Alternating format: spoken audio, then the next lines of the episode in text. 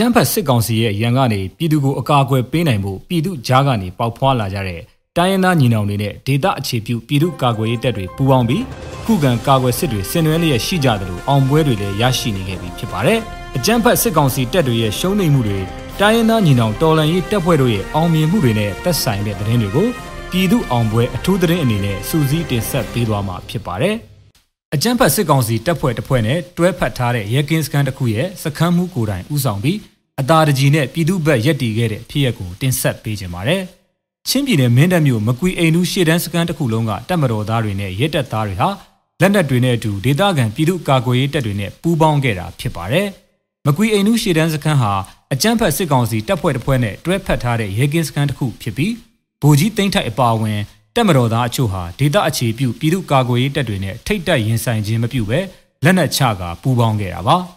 ဗိုလ်ကြီးတိမ့်ထိုက်ဟာစစ်တပ်ကတော်အပတ်စဉ်55ကျောင်းဆင်းဖြစ်ပြီးအဲ့ဒီစခန်းကတပ်ဖွဲ့ဝင်တချို့ကလည်းအာနာဖီဆန်ရေးလှုပ်ရှားမှုမှာပါဝင်ခဲ့သူတွေဖြစ်တယ်လို့သိရပါတယ်ဇူလိုင်လ24ရက်နေ့မှာဒေသခံပြည်သူ့ကာကွယ်ရေးတပ်ဖွဲ့က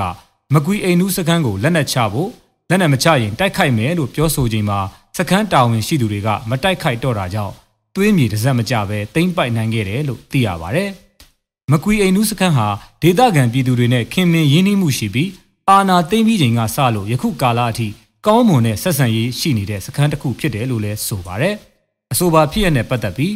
ဝေးလံခေါင်ဖျားတဲ့အရက်ကိုပို့ခံထားရတဲ့စခန်းတွေရဲ့ထုံးစံအတိုင်းတက်ရဲ့အထောက်ပံ့မရတဲ့လက်ရတဲ့လက်ကိုမှဒေသခံကာကွယ်ရေးတပ်ဖွဲ့တွေပေါ်လာတော့လမ်းကြောင်းလုံခြုံရေးအကြောင်းပြပြီးနှစ်လလောက်အငတ်ထားပြန်တယ် စစ်စင်ရေးအတွေ့အကြုံနဲ့အရာရှိသက်ရင်ပြီးဖြစ်တဲ့စခန်းမှုကပြန်ခုခံတိုက်ခိုက်ဖို့သာဆုံးဖြတ်ရင်တိုက်မဲ့သူတွေကလည်းအတော်ခံရဖို့ရှိပါတယ်ဒါပေမဲ့စခန်းမှုနဲ့ရဲဘော်တွေကတက်မတော်နဲ့ပြည်သူနှစ်ခုတည်းကပြည်သူကိုပိုချစ်လိုက်ကြပါတယ်ဒီအရာရှိစစ်သည်တွေကို CDM စရင်တွင်းတင်မတွင်းတင်အကြံပြုပေးကြပါအောင်လို့ People Soldiers ပြည်သူစစ်သားလူမှုကွန်ရက်စာမျက်နှာမှာရေးသားထားတာကိုလည်းတွေ့ရပါတယ်ဒီကိစ္စနဲ့ပတ်သက်လို့အမျိုးသားညီညွတ်ရေးအစိုးရကျန်းမာရေးနဲ့ပညာရေးဝန်ကြီးဌာနပြည်ထောင်စုဝန်ကြီး ဒေါက်တာဇော်ဝေစိုးနဲ့ကိုမင်းကိုနိုင်တို့ကို PVDV ကဆက်သွယ်မေးမြန်းရမှာတော့အခုလိုသဘောထားမှတ်ချက်ပေးခဲ့ကြပါတယ်ခင်ဗျာ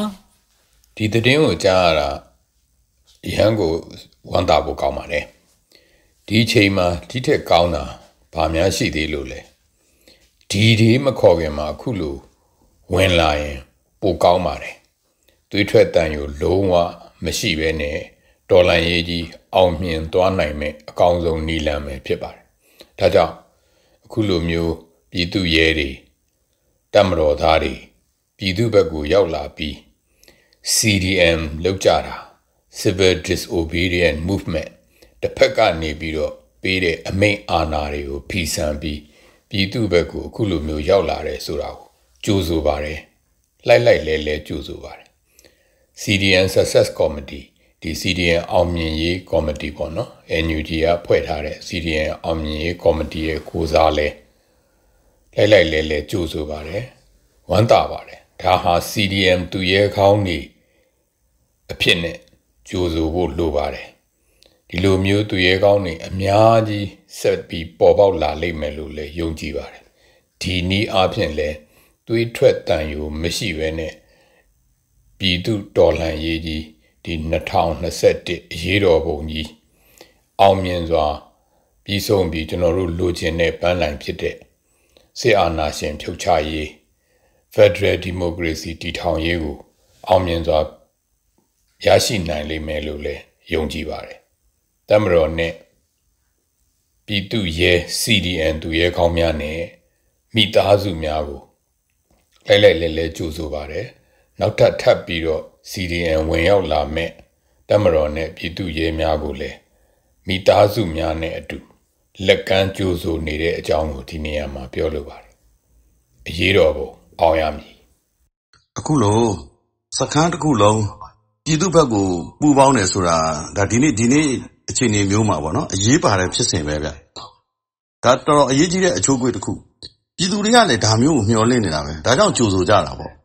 အဲ့တော့တစ်ချိန်မှာဗျာဒီပြည်သူလူထုရဲ့ တော်လှန်ရေးຫນွေဦးအောင်ပွဲနော်ပြည်သူတွေ ခံယူကြတဲ့အချိန်မှာဆိုရင်စည်ရင်းရှင်းကြရတော့မှာအဲ့ဒီအချိန်မျိုးကြရင် သူတို့ဟာ ပြည်သူဘက်တော်သားတွေအဖြစ်ကပီးတင်ဖို့ သူတို့ကို ကျွန်တော်အခုတည်းကနေပြီးတော့စည်ရင်းတွေ မှတ်ထားကြရမယ် နောက်ထပ် လာလက်တန့်သော ပြည်သူဘက်တော်သားလောင်းတွေကိုလည်း ကျွန်တော်တို့ ကြိုဆိုဖို့ ပြင်ဆင်ကြရပါလိမ့်မယ်ရေတော်ဘုံအောင်ရမည်ရေတော်ဘုံအောင်ရမည်